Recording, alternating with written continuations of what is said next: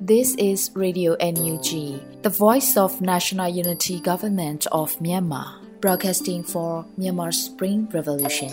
Radio NUG is transmitting from shortwave 16 meter 17.79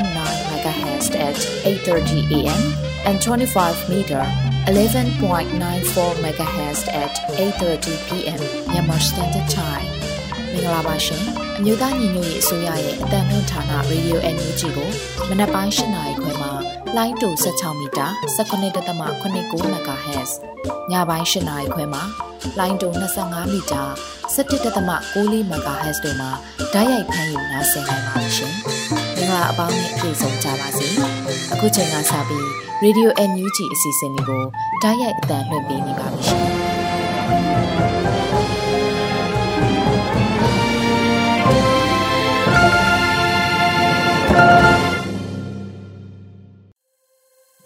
မြန်မာနိုင်ငံသူနိုင်ငံသားအပေါင်းတဘာဝပြီးဆရာနာရှင်ပြီးတို့ကနေကင်းဝေးပြီးကိုစိတ်နှပါဘေးကင်းလုံခြုံကြပါစေလို့ရေဒီယိုညူချီဖွယ်သားများကဆုတောင်းမြတ်တာပို့သလာရပါတယ်ရှင်။အခုချိန်ကစပြီးကာကွယ်ရေးဝန်ကြီးဌာနရဲ့စီရေးသတင်းချင်းချုပ်ကိုတော့လွတ်လပ်နေဦးမှဖတ်ကြားတင်ပြပေးပါရမရှင်။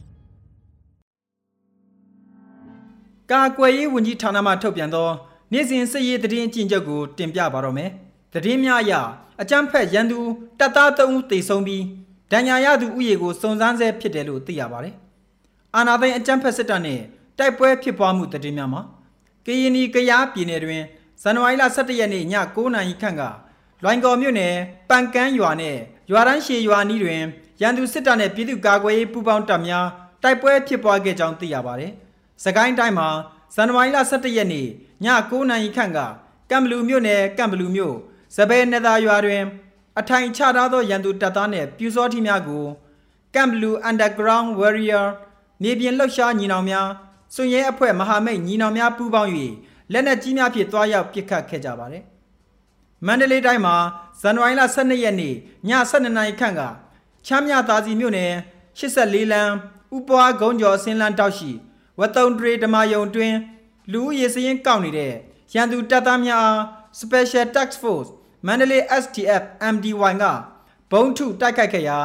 အရက်ကားတစ်စီးပျက်စီးသွားခဲ့ပြီးရန်သူတပ်သားများဘက်မှ6ချက်ခန့်ပြန်လည်ပစ်ခတ်မှုများပြုလုပ်ခဲ့ကြောင်းသိရပါတယ်။ဇန်နဝါရီလ17ရက်နေ့ညနေပိုင်းကပြည်ကြီးတကုံမြို့နယ်62လမ်း115လမ်းနဲ့116လမ်းကြားရှိပြည်ကြီးတကုံမြို့မှရဲစခန်းအား Acid Army PDF MDY ကဘုံဖြစ်တိုက်ခိုက်ခဲ့ကာ ရန်သူတပ်များဘက်ကလည်းရန်တမ်းပစ်ခတ်မှုများပြုလုပ်ခဲ့ကြောင်းသိရပါတယ်။ပဲခူးတိုင်းမှာဇန်နဝါရီလ17ရက်နေ့ည9နာရီခန့်ကထန်းတပင်မြို့နယ်ဇရက်ကြီးအခြေဆိုင်ခလာရ83ဘုံမတီတပ်စခန်းကိုပြည်သူ့ကာကွယ်ရေးတပ်မတော်တောင်ငူခရိုင်တပ်ရင်းမှတ်3931တပ်ခွဲ2မှနန်းထိုက်အောင်စစ်စင်ရေးဖြင့် M79 များဖြင့်အချက်30ခန့်ဝင်ရောက်တိုက်ခိုက်ခဲ့ရာရန်သူတပ်ဖွဲ့ဝင်3ဦးသေဆုံးခဲ့ပြီး ထိခိုက်ဒဏ်ရာရှိမှုများပြားကြောင်းသတင်းရရှိပါတယ်။ဆက်လက်ပြီးအာနာသိန်းအကြမ်းဖက်စစ်တပ်ကျူးလွန်သောရာဇဝမှုများကို တင်ပြပေးပါမယ်။ကချင်ပြည်နယ်မှာဇန်နဝါရီလ17ရက်နေ့ည10:00နာရီခန့်ကဖားကမ်းမြို့နယ်မရှိကထောင်ရက်ကွက်ရှိ Happy KTV ကိုရန်သူတပ်ကဝင်ရောက်စီးနှင်း၍အပန်းဖြေသူများအားလူယူရိုက်နှက်သွားကြောင်းသိရပါတယ်။ကရင်နီကရားပြည်နယ်မှာဇန်နဝါရီလ17ရက်နေ့ညတကောင်ချိန်တွင်ဒီမော့ဆိုမြို့နယ် နန်းဟုထွေရွာသို့ရန်သူတပ်ဘက်ကလက်နက်ကြီးများအများပြားပစ်ခတ်မှုကြောင့်ပြည်သူနေအိမ်တစ်လုံးမိလောင်ပျက်စီးခဲ့ပါတယ်။စကိုင်းတိုင်းမှာဇန်နဝါရီလ12ရက်နေ့ညနေ4:30မိနစ်ခန့်ကဝန်းတိုမြို့နယ်ကျုံကြီးကျေးရွာသို့ကောလင်းမြို့မှထွက်လာသောခမရ369ရန်သူတပ်သား60ကျော်ကဝင်ရောက်ခဲ့ပြီးနေအိမ်များကိုမိရှို့ဖျက်ဆီးခဲ့ကြပါတယ်။ဇန်နဝါရီလ12ရက်နေ့မနက်8နာရီခန့်ကကောလင်းမြို့နယ်ကောလင်းမြို့ လင်းလင်းဆေးဆိုင်မှပိုင်ရှင်ဦးဝင်းကိုနဲ့၎င်း၏ဇနီးတို့အားစစ်တပ်ကလာရောက်ဖမ်းဆီးခဲ့ပြီးမနှင်းကျူလိုင်နဲ့မဆုတို့၏လက်ကင်ဖုံးများကိုရန်သူတပ်များရရှိခဲ့ပြီးဖုံးတွင်းရှိဆက်ဆက်သူများကိုလိုက်လံဖမ်းဆီးခဲ့ခြင်းဖြစ်ပါတယ်။ဇန်နဝါရီလ17ရက်နေ့မနက်10:15မိနစ်ခန့်ကပလဲမြို့နယ်ညောင်ရင်ကုန်းရွာကန်တောက်စခန်းမှာရန်သူတပ်သားများနဲ့ပြူစောတိများကမီးရှို့ဖျက်ဆီးခဲ့ကြပါတယ်။ ရန်ကုန်တိုင်းမှာဇန်နဝါရီလ17ရက်နေ့ကတန်လျင်မြို့နယ်ပဲခူးစုရပ်ကွက်တွင် လူငယ်နှစ်ဦးကိုရန်သူတပ်ဖွဲ့ဝင်များကဖမ်းဆီးခဲ့ကြောင်းသိရပါတယ်။ဇန်နဝါရီလ17ရက်နေ့ကလမ်းမတော်မြို့နယ်အင်းဝအေးဆိုင်အနီးတွင် လူငယ်9ဦးကိုရန်သူအဖွဲ့ဝင်များကဖမ်းဆီးခဲ့ကြောင်းသိရပါတယ်။တနင်္သာရီတိုင်းတွင်ဇန်နဝါရီလ17ရက်နေ့ကလောင်လုံးမြို့နယ်ဟင်းကြိုတော်ကြီးရွာသို့ကြောက်နီမော်ကြီးရွာမှရန်သူတပ်နှင့်ပြူစောတိအင်အား20ခန့်ဝင်ရောက်လာကပြည်သူပိုင်နေလေးလုံးကို မိရှို့ဖျက်ဆီးသွားခဲ့ကြောင်းသိရပါတယ်ခင်ဗျာယခုတင်ပြပေးခဲ့တဲ့သတင်းတွေကိုမြေပြင်သတင်းတာဝန်ခံတွေနဲ့ခိုင်လုံသောမိဖက်သတင်းရင်းမြစ်များမှအခြေခံပြုစုထားခြင်းဖြစ်ပါတယ်ခင်ဗျာ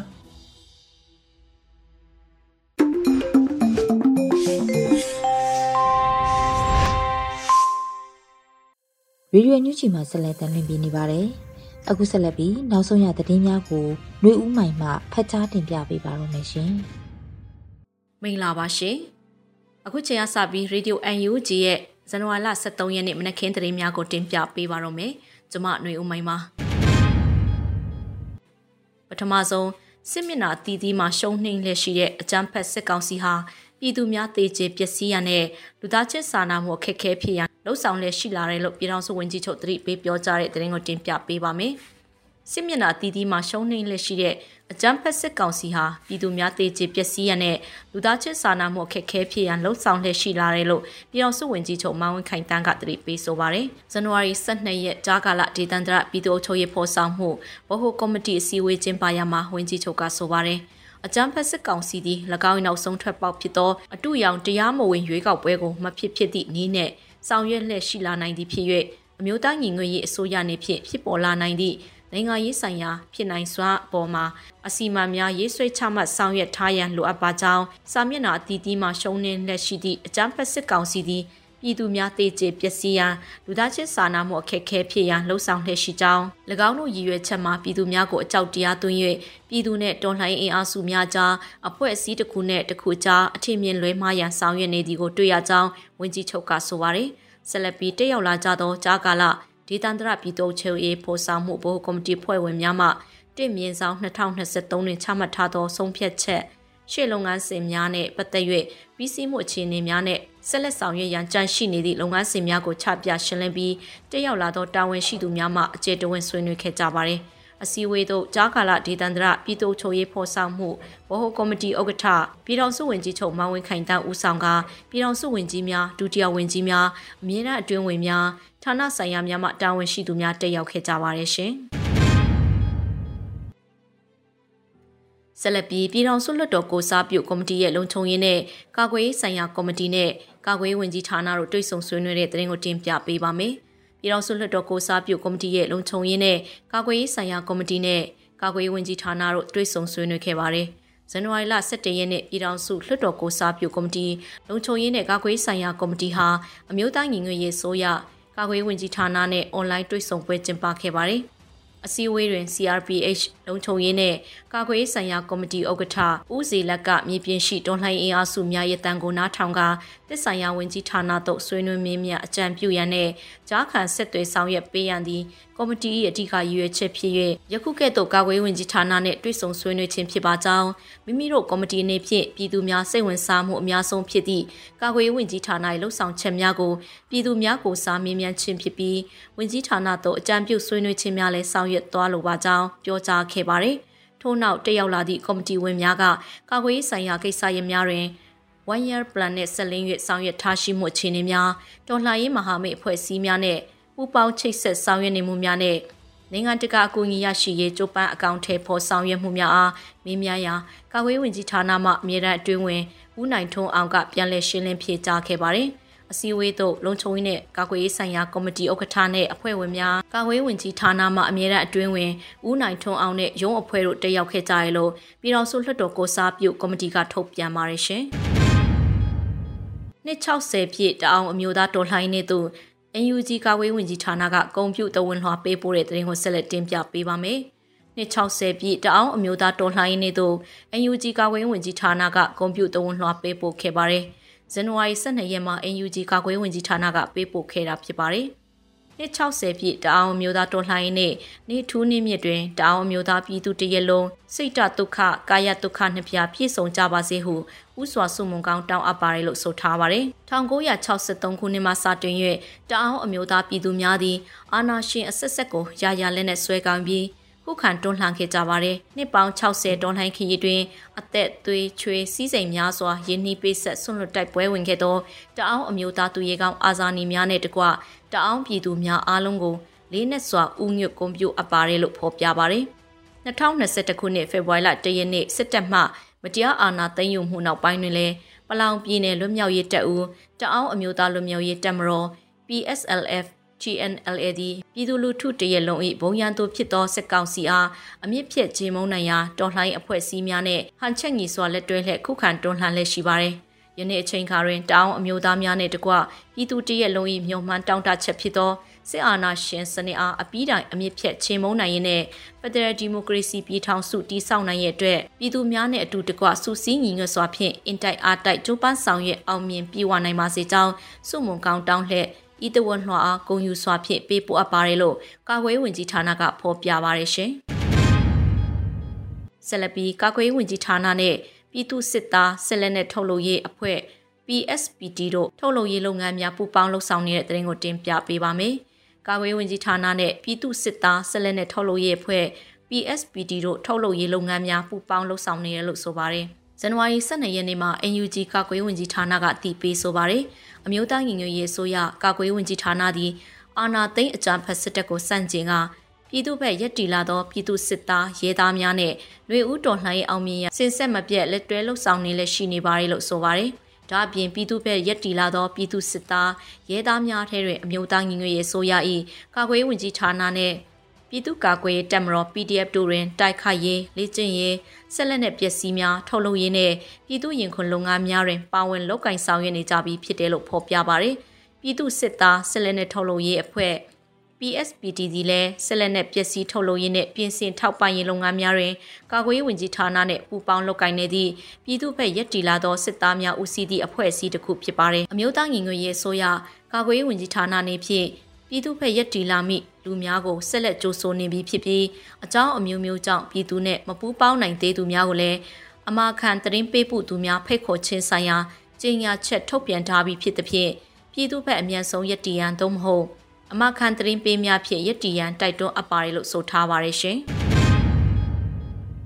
စိတ်ရှောင်ဒေတာကပြည်သူများအတွက်အနှွေးထည်နဲ့အဝတ်ထည်များကိုယ်တိုင်ကိုကြရောက်ပို့နိုင်ခဲ့လို့ဒူဝင်ကြီးကြားထွေးပအသိပေးတဲ့သတင်းကိုဆက်လက်တင်ပြပေးပါမယ်။စစ်ရှောင်ဒေတာကပြည်သူများအတွက်အနှွေးထည်နဲ့အဝတ်ထည်များကိုယ်တိုင်ကိုကြအရောက်ပို့နိုင်ခဲ့လို့ဒူဝင်ကြီးကြားထွေးပန်းကအသိပေးဆိုပါတယ်။ဇန်နဝါရီလ12ရက်မှာပညာရေးဒူဝင်ကြီးကြားထွေးပန်းကဆိုပါတယ်။ ဒီတစ်ခေါက်စစ်ဆောင်ဒေသတွေကိုတွားရောက်ရမှာတော့ကျမတို့ရဲ့ CDM ပညာရေးဝန်ထမ်းများရဲ့အလှူတွေအခြားစေတနာရှင်များရဲ့လှူဒါန်းမှုတွေကိုစစ်ဆောင်ပြည်သူများအတွက်ကိုယ်တိုင်ကိုယ်ကျရောက်ပို့နိုင်ခဲ့ပါတယ်။ကြီးကြီးကျယ်ကျယ်မဟုတ်တော့လဲ CDM ဝန်ထမ်းများရဲ့မွန်မြတ်တဲ့အလှူမှုလို့တန်ဖိုးရှိလာပါတယ်လို့ဆိုပါတယ်။အလှူပစ္စည်းများကတော့အနှွေးထည်များအဝတ်ထည်များအမျိုးသမီးလဆင်သုံးပစ္စည်းအထုပ်ကြီး24ထုပ်ကျောင်းသုံးစာရေးကိရိယာများ CDM ဆီယာမများ၏လက်ရအနှွေးအထုပ်နဲ့မဖလာများစအုပ်များပါဝင်ပါတယ်ရှင်။ ဆက်လက်ပြီးဖေခုံမြို့နယ်အနောက်ကရန်ကျေးရွာအုပ်စုတွင်ဘန်ကောက်ရက်ကွက်မှနေထိုင်နေသည့်စစ်ပေးရှောင်များအတွက်အမုတ်ကာများအခက်ခဲရှိနေတဲ့တဲ့ကိုတင်ပြပေးပါမယ်။ဖေခုံမြို့နယ်အနောက်ကရန်ကျေးရွာအုပ်စုတွင်ဘန်ကောက်ရက်ကွက်မှနေထိုင်နေသည့်စစ်ပေးရှောင်များအတွက်အမိုးအကာများအခက်ခဲရှိနေတယ်လို့သိရရှိပါရယ်။ဇန်နဝါရီ12ရက်မှာ UKSY ကအတိပေးဖော်ပြပါရယ်။အနောက်ကရန်အုပ်စုဘန်ကောက်ရက်ကွက်ဖေခုံမြို့နယ်အနောက်ကရန်ကျေးရွာအုပ်စုတွင်ဘန်ကောက်ရက်ကွက်မှနေထိုင်နေသည့်စစ်ပေးရှောင်အိမ်ထောင်စု 60စုရှိပြီးလူဦးရေစုစုပေါင်း300ကျော်ဦးအတွက်စားဝတ်နေရေးစံစီစားနဲ့နေရာထိုင်ခင်းအတွက်မိုးကာများအရေးပေါ်လိုအပ်နေပါတယ်လို့ဆိုပါတယ်။ဘန်ကောက်ရက်ကွက်အတွင်းပြောင်းရွှေ့နေထိုင်သည့်စစ်ပေးရှောင်ပြည်သူများသည်ရခင် RC ဘုံတော်ကြီးကျောင်းမှနေထိုင်ခဲ့ရပြီးဘုံတော်ကြီးကူညီမှုကြောင့်အဆင်ပြေစွာနေထိုင်ခဲ့သည်ကိုလည်းစစ်ပေးရှောင်ပြည်သူဖြစ်သည့် CDM ဆီယာမတို့ကပြောပါရယ်။ တိုက်ပွဲကြောင့်စပေးရှောင်နေရတာတစ်နှစ်နဲ့ရှစ်လရှိပြီးဒီမော့ဆိုဖဲကုံမိုးပြေစသည့်ကျေးရွာအသီးသီးကနေပြောင်းရွှေ့လာခဲ့ကြပါတယ်။တချို့ကကောင်းဝက်စစ်ရှောင်စကန်ကနေတစင်ရောက်ရှိလာသည့်သူတွေလည်းရှိပါတယ်လို့ဆိုပါတယ်ရှင်။ဆက်လက်ပြီးကျက်သိန်းပေါင်းတစ်ထောင်ကျော်မူရစေဝါများပင်လယ်ဘူးမြို့နယ်မှာမူရစေဝါကုံတဲ့အမျိုးသမီး2ဦးနဲ့အတူဖမ်းဆီးရမိခဲ့တဲ့တဲ့ရင်ကိုတင်ပြပေးပါမယ်။ ကျက်သိန်းပေါင်းတထောင်ကျော်မူရစေဝါများပင်လယ်ဘူးမြို့နယ်မှာမူရစေဝါကုန်တဲ့အမျိုးသမီးနှုတ်နဲ့အတူဖမ်းဆီးရမိခဲ့ပါတယ်။ဇန်နဝါရီ12ရက်မှာ AUG ပြည်ထရေးဝန်ကြီးဌာနကအတိပေးဖော်ပြပါတယ်။စကိုင်းတိုင်းပင်လယ်ဘူးမြို့နယ်ရှိကျေးရွာနှစ်ရွာကြား၌ဇန်နဝါရီလ17ရက်နေ့ညနေ9:30မိနစ်အချိန်တွင် ခရိုင်ပြည်သူ့အုပ်ချုပ်ရေးမြို့နယ်ပြည်သူ့အုပ်ချုပ်ရေးမြို့နယ်ပြည်သူ့ကာကွယ်ရေးမြို့နယ်ပြည်သူ့လုံခြုံရေးရက်ကျေးပြည်သူ့အုပ်ချုပ်ရေးပူးပေါင်းအဖွဲ့တို့ဖြင့်နေမြေကွင်းစင်းစစ်ဆေးဆောင်ရွက်နေစဉ်မူရစေဝါဘိန်းဖြူဆက်ပြခွက်994ခွက်9128 gram စုစုပေါင်းကာလာတန်ဖိုးငွေကျပ်1485သိန်းကိုမူရစေဝါကုန်တဲ့အမျိုးသမီး2ဦးနဲ့အတူဖမ်းဆီးရမိခဲ့ပါတယ်လို့ဆိုပါတယ်။အဆိုပါဖမ်းဆီးရမိသောအမျိုးသမီးတရခန့်2ဦးအားဥပရိယအေးအေးယူဆောင်ရွက်နေရင်လုံထုံးလုံနီးများနဲ့အညီဆောင်ရွက်လက်ရှိရလို့ ပင်လယ်ဘူးမြို့နယ်ပြည်သူ့ချုပ်ရဲ့ဖွဲ့ကအတိပေးကြေညာထားပါတယ်ရှင်။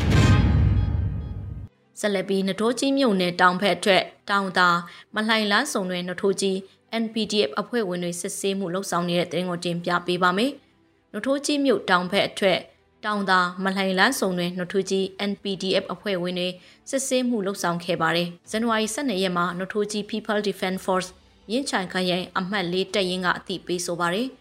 နထိုးကြီးမြို့တောင်ဘက်အထက်တောင်သာမလှိုင်လန်းစုံတွင် NPDF အဖွဲ့ဝင်တွေကစစ်ဆေးမှုပြုလုပ်နေပါတယ်။ပြည်သူများပါဝင်ပူးပေါင်းပေးကြပါလို့ဆိုပါတယ်။နိုထိုးကြီး People Defense Force ပြင်းချန်ခရိုင်အမှတ်လေးတရင်ဟာစစ်ကောင်စီတပ်များကိုအထီနာဆုံးတိုက်ခိုက်နေတဲ့တော်လှန်ရေးအင်အားစုတည်းလည်းဖြစ်ပါတယ်ရှင်။ပေးစင်းငုံဧက180ကျော်ကိုဒေသခံတောင်သူများအနေကင်းစွာရိတ်သိမ်းနိုင်ရာပလဲမြို့နယ်တရင်တပ်ဖွဲ့များလုံခြုံရေးပေးတဲ့တဲ့ရင်ကိုဆက်လက်တင်ပြပေးပါမယ်။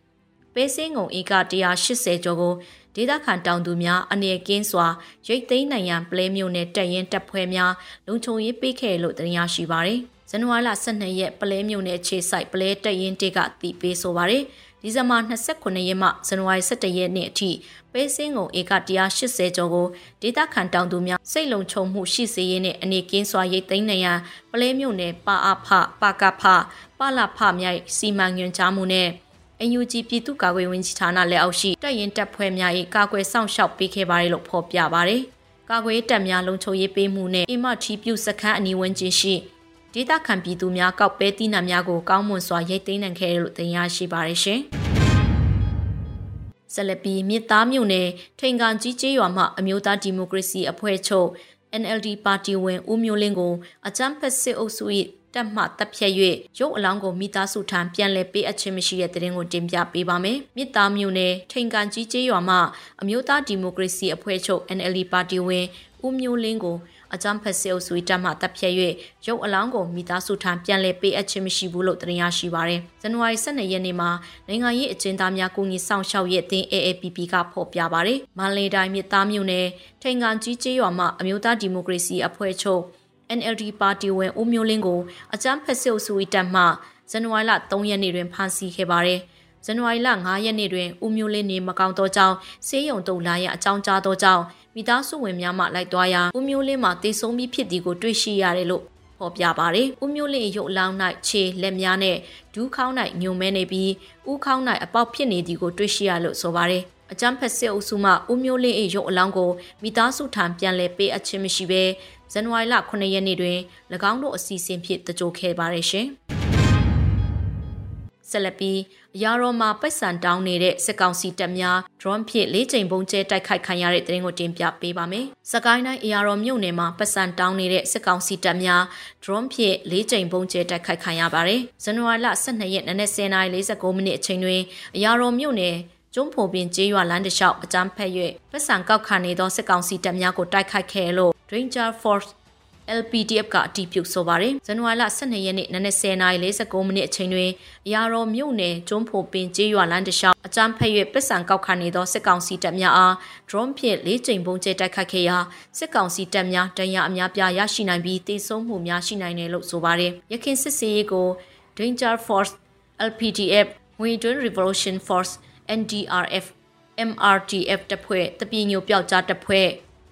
အရာတော်ဘော9 ABN PDF မိုင်းမင်းသားမြေအောက်ပျောက်ကြားတပ်ဖွဲ့ IBEX တပ်ဖွဲ့ပရမညာညီနောင်ပျောက်ကြားတပ်ဖွဲ့တို့မှပူးပေါင်းလှုပ်ဆောင်ခဲ့ပါရရှင်။ယခုတင်ပြပေးခဲ့တဲ့သတင်းတွေကို Radio UNG သတင်းထောက်မင်းမင်းကပေးပို့ထားတာဖြစ်ပါရရှင်။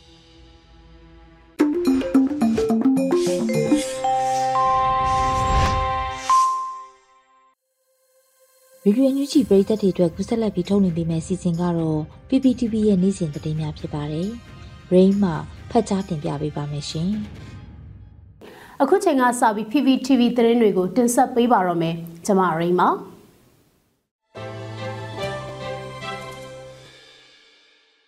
ပထမဆုံးတင်ဆက်မဲ့တဲ့ရင်ကမြန်မာရေးဖြည့်ရှင်းဖို့အင်ဒိုနီးရှားနိုင်ငံသားရေးဝန်ကြီးရက်နိုမာဆူဒီကိုရိုင်းကင်တွယ်ဖြည့်ရှင်းမယ်ဆိုတဲ့တဲ့ရင်မှာ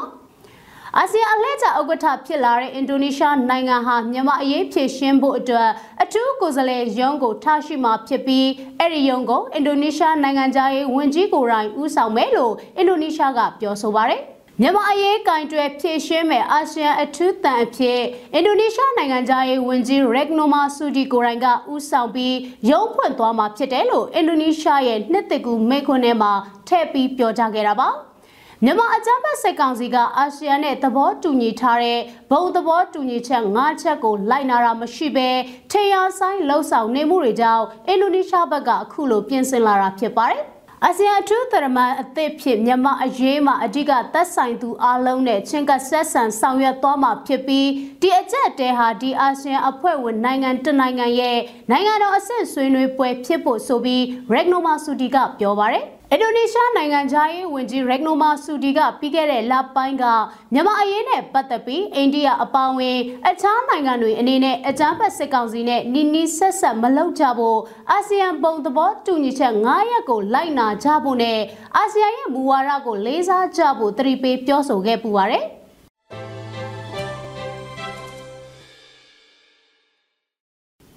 ဆက်လက်တင်ဆက်ပေးမှာကတော့အကြမ်းဖက်စစ်ကောင်စီရဲ့အတုအယောင်ရွေးကောက်ပွဲကိုမလုပ်ဖို့ CNO CNDF ကတားမြစ်ချက်ထုတ်ပြန်လိုက်ပြီးမလိုက်နိုင်ရင်ပြည်내စွာအရေးယူမယ်လို့အသိပေးလိုက်တဲ့သတင်းမှာချင်းပြည်နယ်ဖလန်းမြို့နယ်နဲ့အထက်ချင်းတွင်ဒေသမှာအကြမ်းဖက်စစ်ကောင်စီရဲ့တရားမဝင်အတုအယောင်ရွေးကောက်ပွဲကိုမပြုတ်လို့ဖို့တားမြစ်လိုက်ကြောင်းချင်းမျိုးသားအဖွဲ့ချုပ်ချင်းမျိုးသားကာကွယ်ရေးတပ်ဖွဲ့ CNO CNDF ကဇန်နဝါရီ17ရက်မှာထုတ်ပြန်လိုက်ပါတယ်။ ဇန်နဝါရီလ6ရက်ကနေ9ရက်အထိကျင်းပခဲ့တဲ့ချင်းအမျိုးသားကာကွယ်ရေးတပ်ဖွဲ့ရဲ့ဒုတိယအကြိမ်မြောက်ညီလာခံအစည်းအဝေးအပြီးထုတ်ပြန်ချက်မှာအခုလိုတားမြစ်ချက်ဖော်ပြခဲ့တာပါ။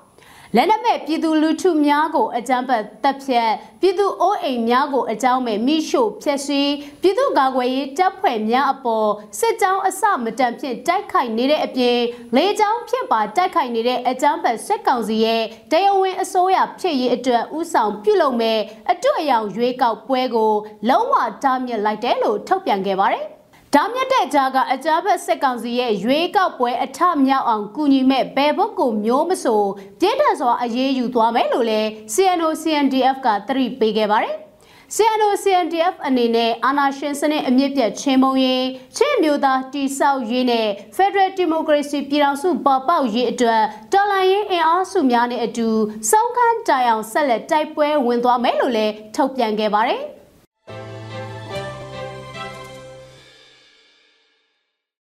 ဆက်လက်တွန်းဆက်မှာကအကြမ်းဖက်စစ်ကောင်စီကပြုလုပ်မဲ့လက်ချမ်းမဲခေါင်အစည်းအဝေးဖိတ်ကြားမှုကိုတရုတ်အစိုးရတက်ရောက်ဖို့အကြောင်းမပြတ်တဲ့သတင်းမှာ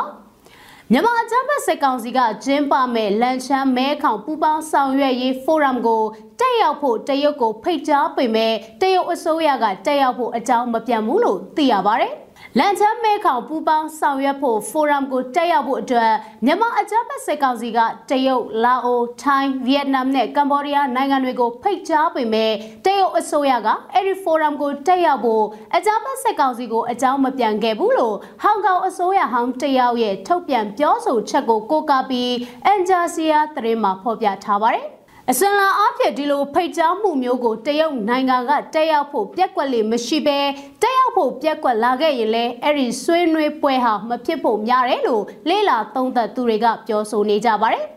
တရုတ်ရဲ့ဒီလိုပြက်ကွက်မှုဟာတာမန်ပြက်ကွက်မှုမျိုးမဟုတ်ပဲအကြမ်းဖက်စစ်ကောင်စီရဲ့လှုပ်ဆောင်ချက်တွေနဲ့ခက်ခွာခွာနေချင်တဲ့သဘောဖြစ်တယ်လို့ဟောင်ကောင်အရာရှိရဲ့သုံးသပ်ချက်ကိုဖော်ပြထားပါတယ်။ 2021ခုနှစ်ဖေဖော်ဝါရီလ1ရက်နေ့ကနေစပြီးအကြမ်းဖက်ကောင်းဆောင်မင်းအောင်လှိုင်ဟာတရုတ်ရဲ့ထိတ်တန်းအရာရှိတယောက်နဲ့မှမတွေ့ခဲ့ရဘူးလို့ဆိုပါတယ်။ပြီးခဲ့တဲ့နှစ်လန်ချမ်းမဲခေါင်အစည်းအဝေးကိုတက်ရောက်ခဲ့တဲ့တရုတ်နိုင်ငံသားရေးဝန်ကြီးဝမ်မြင့်ကိုရိုင်းက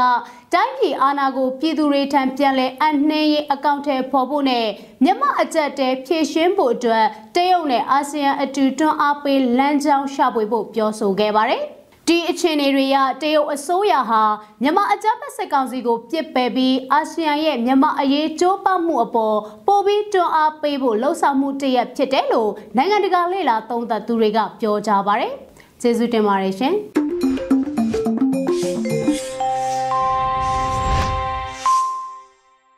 ဗီဒီယိုအန်ယူဂျီပရိသတ်များရှင်ဒီနေ့ရဲ့တော်လှန်ရေးတိဂီတာစီစဉ်မှာတော့တေးရီကိုကူတေးဆူ Rebecca Van 9တီဆိုထားတဲ့ ယုံကြည်ရခရီးလို့အမည်ရတဲ့တော်လှန်ရေးတိဂီတာကိုနားဆင်ကြရတော့မှာဖြစ်ပါတယ်ရှင်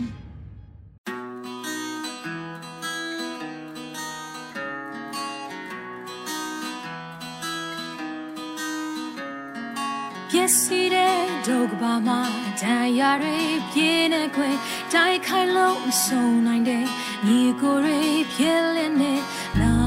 ကိုရမဲခဲကြပြီ မိုးတေးပါခွေ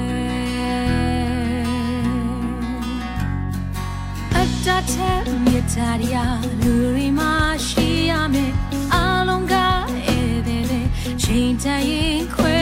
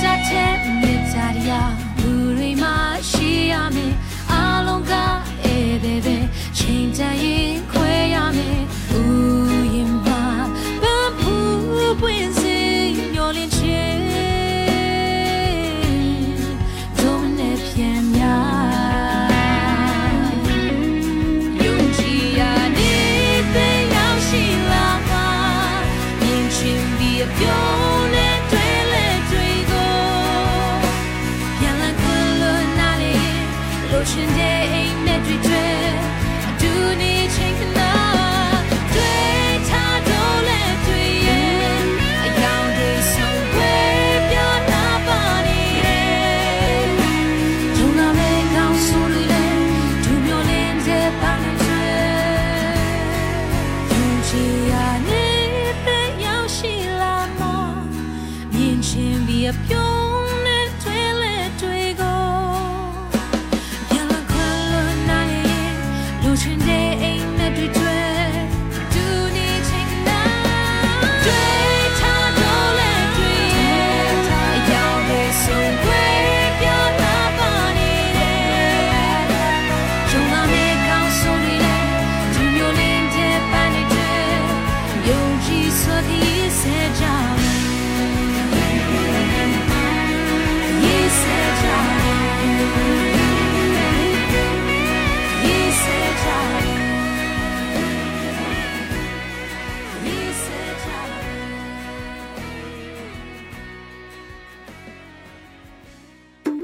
ဒီကနေ့ကတော့ဒီညနဲ့ပဲ Radio NUG ရဲ့အစီအစဉ်လေးကိုခਿੱတရနာလိုက်ပါမယ်ရှင်။မြမစံတော်ချိန်မနက်၈နာရီခွဲနဲ့ည၈နာရီခွဲအချိန်တွေမှာပြန်လည်ဆုံတွေ့ကြပါစို့။ Radio NUG ကိုမနက်ပိုင်း၈နာရီခွဲမှာလိုင်းတူ16မီတာ19.8